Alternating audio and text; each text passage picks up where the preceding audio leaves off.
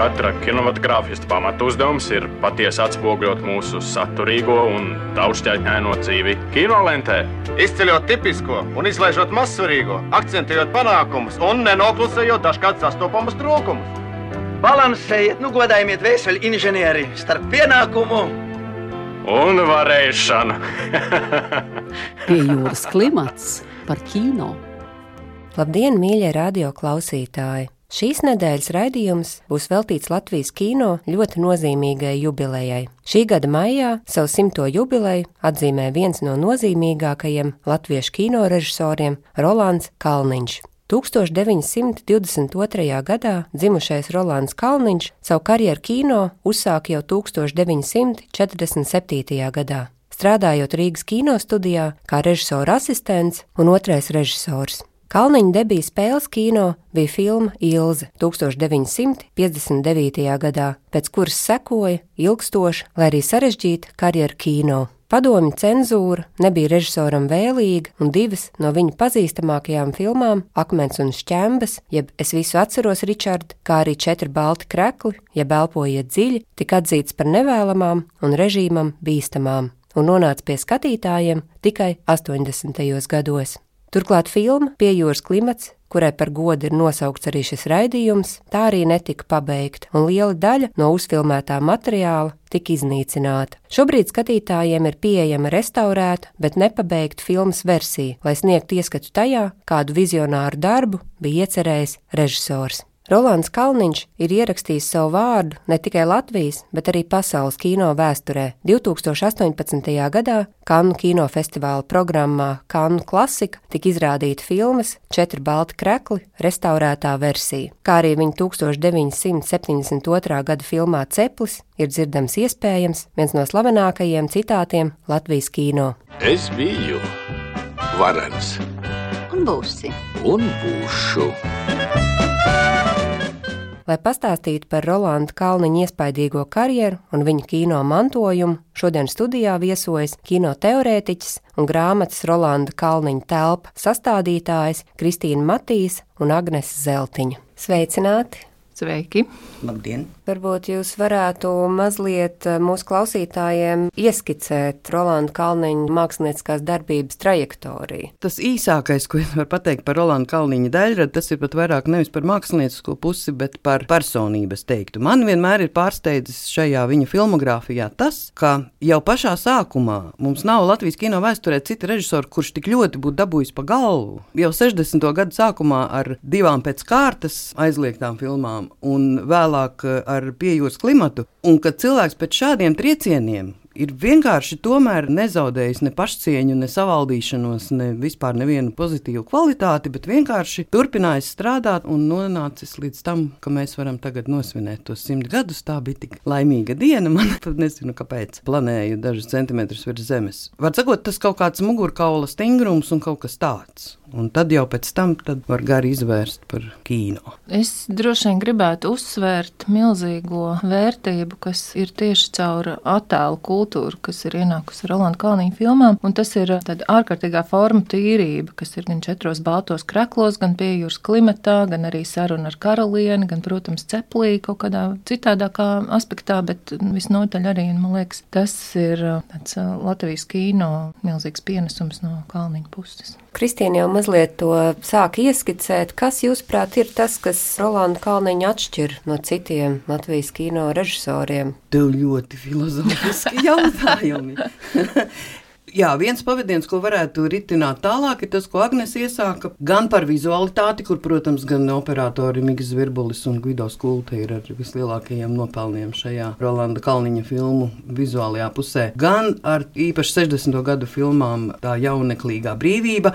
Tas viss noved pie tā, kas, piemēram, grāmatā Rolanda Kalniņa telpa ir Ditē Rietumai vesels liels raksts par to, kā Rolanda Kalniņa var ievietot pasaules kino kontekstā. Pilnīgi nekautrējoties un bez nekāda Latvijas bāliņa viņu provinciālā kautrīguma mēs mierīgi varam teikt, ka viņš tur ir pilnīgi cienījams blakus. Gan tā kā tas bija Kannu klasikas izlasē, viņš ir pilnīgi cienījamā vietā starp šiem pasaules klasiķiem. Protams, nevajag visu idealizēt tādā veidā, ka nu, tikai ģēnijs būtu vien ģeniāls darbus radījis. Ir Rolandam Kalniņam šajā viņa cienījamā garajā mūžā ir arī filmas, kas ir netik spilgtas, ne tādas modernisma liecības un tam līdzīgi, bet tas arī ir tikai normāli. Būtu pat slimīgi, ja viens cilvēks būtu 70 gadu garumā tikai ģeniāls darbus darījis. Bet šī ir arī citu, viena ļoti interesanta nianse, ka, ja reiz Rolandam Kalniņam ir kaut kāda ideja, ko viņš grib risināt, attīstīt, kā mēs arī zinām no grāmatas, kur uh, Toms Zariņš pētīja, piemēram, Baltā siena, Rolanda Kalniņa dēļ ļoti svarīgs tēls Baltā siena, tad šī laika sakritība rāda mums to, ka viņš no savas idejas neatkāpjas. Piemēram, 74. gadā viņam aizliedz filmēt filmu Piejūras klimats. Mēs visi esam redzējuši tātad šīs klasiskās 40 minūtes, kur ir ārkārtīgi radikāla tā vizualitāte ar mākslinieku Gunāru Balodi. Viņi tur ar tīrām krāsām strādā, ar baltām sienām, ar pārspīlētu perspektīvu un, un visādām butaforiskiem rāmjiem un tam līdzīgi. Viņam šo filmu aizliedz taisīt, un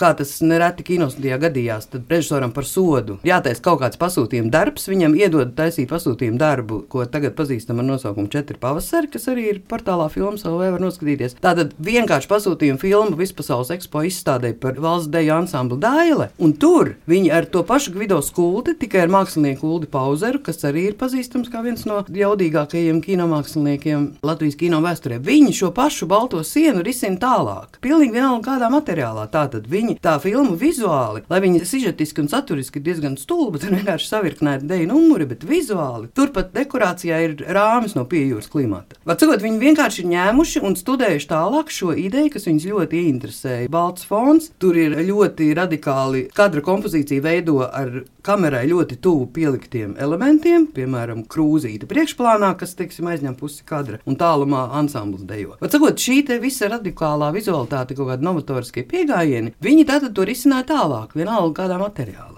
Tā arī ir kaut kāda, man liekas, tā izteiktā interese par to, ko tu tiešām gribi izdarīt mākslā. Nevis vienkārši strādāt par štata režisoru kinostudijā un ko dod to ražo. Mums ir tādi režisori, arī, kuriem ir nu, visgarākā filmogrāfija katru gadu pa filmai, bet, kad tu ieskaties tajā filmogrāfijā, šobrīd mēs nevienu nosaukumu neatpazīstam, tāpēc tas ir vienkārši štancēts. Rolandam Kalniņam ir redzama tā aizrautība un tā interese par to, ko viņš tiešām grib atrisināt.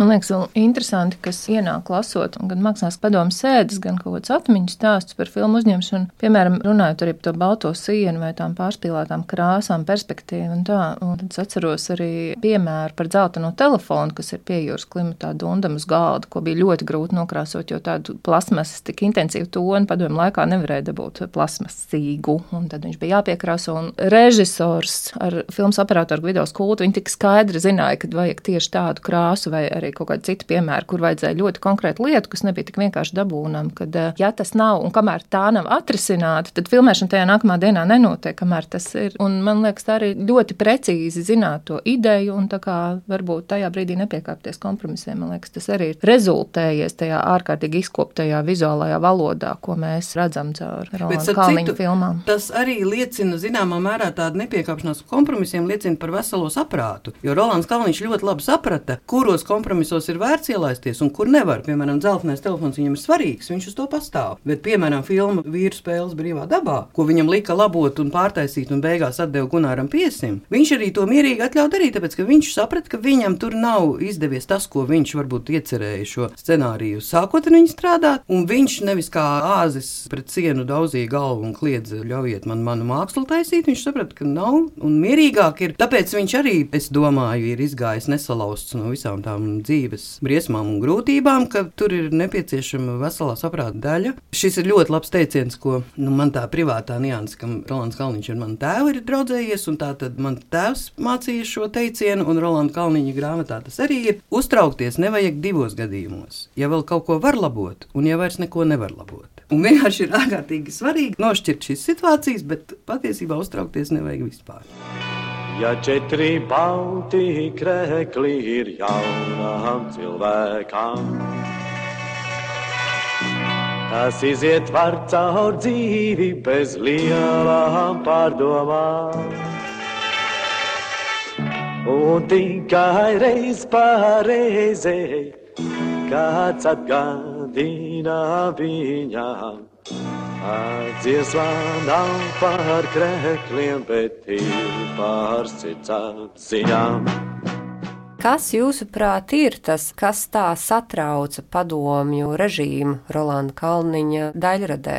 Man varbūt iznāca par šo padomāt. Nu, pat tieši tagad, portālā Kino raksti, mēs Rolanda Kalniņa jubilejā publicējām sākuma fragment no ārkārtīgi leģendāras parādības Latvijas kino vēsturē. Rolanda Kalniņa nerealizētais scenārijs Jahtu sauc Žanna. Tas ir 74. gadā rakstīts šis scenārijs jau otrais variants, no kura mēs šo fragment publicējām, kas eh, Rīgas kino muzejā ir atrodams un glabājas. Ar šo scenāriju viņiem bija ļoti garš stāsts, jau 60. gados gribēja sākt filmēt. Un tur ir tā nianse, man liekas, ka tā problēma ir niansēs. Jo ar šo scenāriju Žanna ir tāds stāsts, ka šī galvenā varone Žanna, viņa nav tobrīd padomju ideoloģijai vispieņemamākais pozitīvais varonis, kurš skaidri zina, ka grib uzcelt komunismu jau šajā paudzē. Un viņa ir pārāk nervoza priekš tiem laikiem, pārāk jūtīga, pārāk sentimentāla, pilnīgi citas problēmas viņai ir svarīgas nekā sociālistiskās jauncelsmes darbs. Un pirmais scenārija variants beidzās ar Žannas pašnāvību. Tas ir pilnīgi skaidrs, ka tādu tajā laikā neviens negribēja apstiprināt ražošanai, tad šo pārstrādāto variantu viņi iesniedz ar citu finālu. Žanna neizdara pašnāvību, viņa tikai mašīnu Volga ietriec no tilta Daugavā. Bet eh,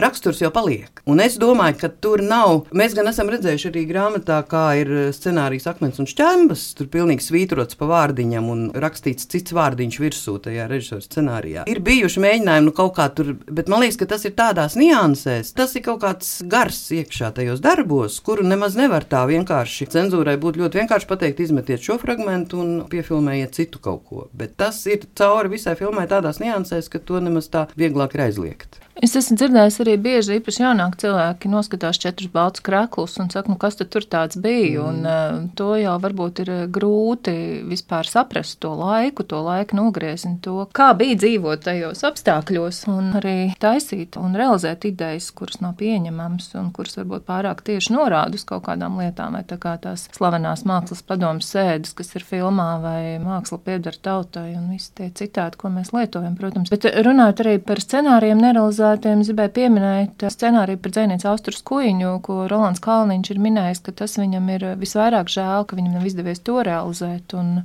Kino muzejā ir digitalizēta Kalniņa scenārija, un ir arī Leons Briedis, kuru Rolands Kalniņš uzrunāja, lai viņš arī šo scenāriju raksta, un vēlāk arī tika izdota grāmata, romāns pārstrādāts scenāriju. Tā kā ir droši vien arī interesanti iepazīties arī tiem pašiem scenāriju oriģināliem, tā kā tos var meklēt, lasīt. Agnes, tu jau minēji to, ka jaunajai paudzē bieži vien ir grūti saprast, kas tieši šīs filmās ir bijis tik bīstams, un kā jūs prāt, varētu runāt ar jauno paudzi par tādu režisoru kā Rolandu Kalniņu un viņa nozīmīgumu, kā izskaidrot to, kas bija tik skandalos tajā brīdī viņa darbos? Nu, man jau liekas, ļoti vienkārši. Kino ir jāskatās, un tad ir jāveido stāsts. Jo vienam var patikt un uzrunāt četri balti krēkli tieši ar mūziku, tā kā arī karnevāla jūs, kur mūzika pacēla varbūt kaut kādā citā, mūsdienīgākā kvalitātē ar savu pienesumu, bet tāpat laikā es dzirdēju, ka ļoti daudziem patīk ceplis vai kaut kā šķiet ļoti nozīmīgs akmens un šķēmbas. Tā kā, manuprāt, tas stāsts jāveido sākot skatīties, un droši vien jau skolās.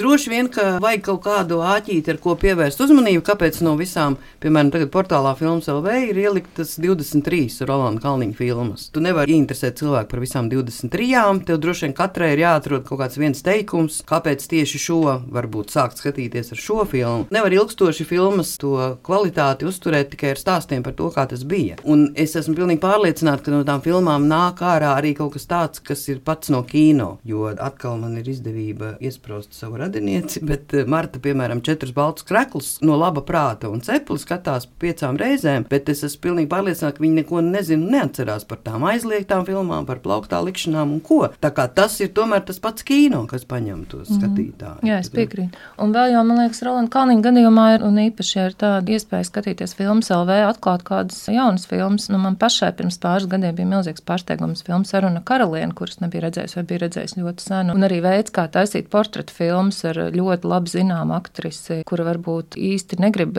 pielaist palaist klāt filmas veidotājus, bet Rolands Kalniņš ar operatoriem atrod veidu, kā šo filmu uzņemt citādāk. Nu, ārkārtīgi interesanti. Es ieteiktu arī to noteikti noskatīties ar svaigu skatu. Es brīvi noskatos, kas prieku dara suņiem, lai šausmas gavilē, kā baigi posta zvani. Šobrīd notiek veco filmu restaurācijas process. Kas, jūsuprāt, ir tas jaunais, ko mēs šajā restaurācijas procesā tieši ieraugam no šīm filmām? Man tas ārkārtīgi interesē. Es gribētu uzrunāt arī tevi, kā kinorakstu autori, diezgan bieži. Mēs kinorakstos ļoti daudz par to domājam un esam šādus jau mēģinājumus izveikuši. Tieši restaurētās filmas lūgt recenzēt jaunajiem kritiķiem. Un mums ir bijuši daži gadījumi, kur ir pilnīgi spožs skats no šodienas jaunu cilvēku acīm uz vienalga filmu puika vai filmu sprīdītis vai ābols upē. Es ļoti gribētu attīstīt šo, jo mani patiešām interesē. Es arī varu pieskaitīt sevi pie pietiekami vecas paudzes ka mums varbūt ir pārāk daudz galvā par šīm filmām apkārt visa tā. Mēs no galvas zinām, un man jau reizēm jau garlaicīgi runāt par eh, piejūras klimatu cepli un četriem baltiem krekliem, tāpēc ka tas viss jau ir runāts un runāts. Bet man ārkārtīgi interesē patiesībā viedoklis no jauniem cilvēkiem, kuri šo filmu redz pirmo reizi un vispār neko nezina par tiem foniem. Bet toties viņiem ir kaut kādas citas zināšanas par šā brīža aktuālo kino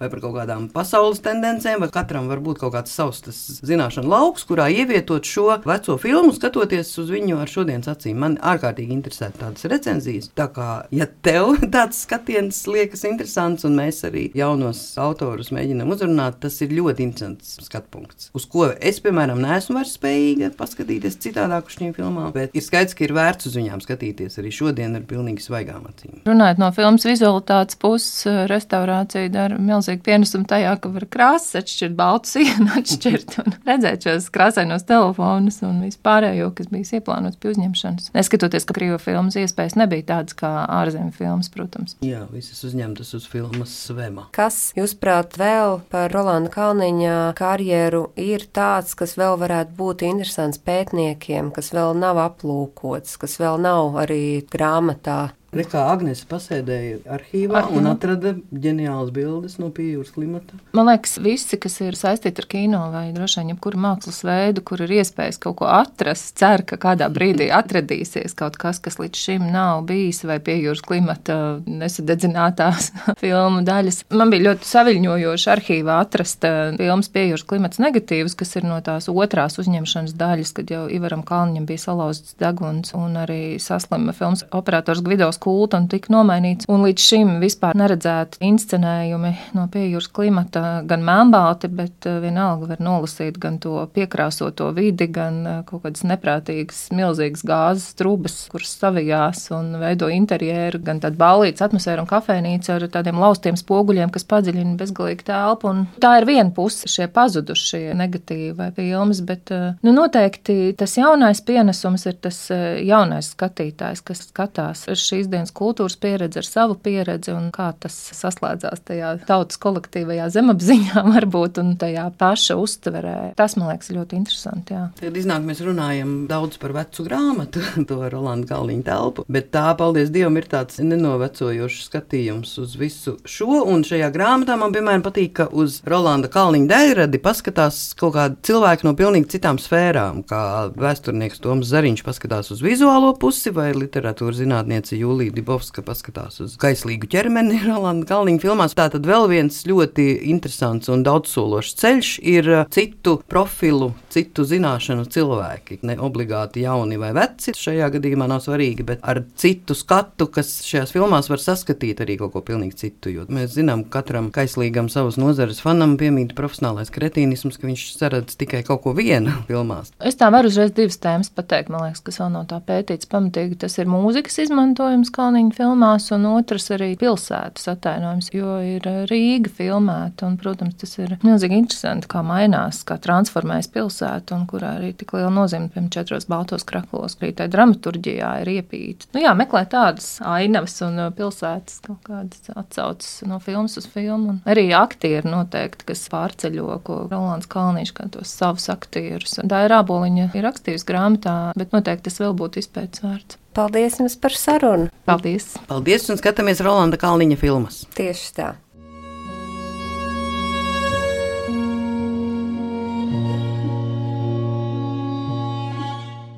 Raidījumu vadīja Marta Elīna Martinsona, montēja Andra Černievska. Raidījums tapis ar valsts kultūra kapitāla fonda finansiālu atbalstu.